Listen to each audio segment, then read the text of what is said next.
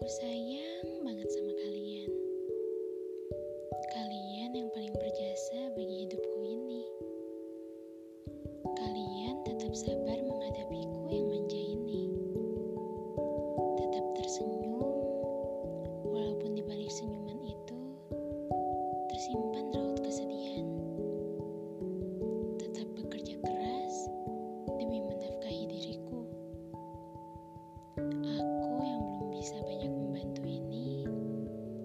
hanya bisa berdoa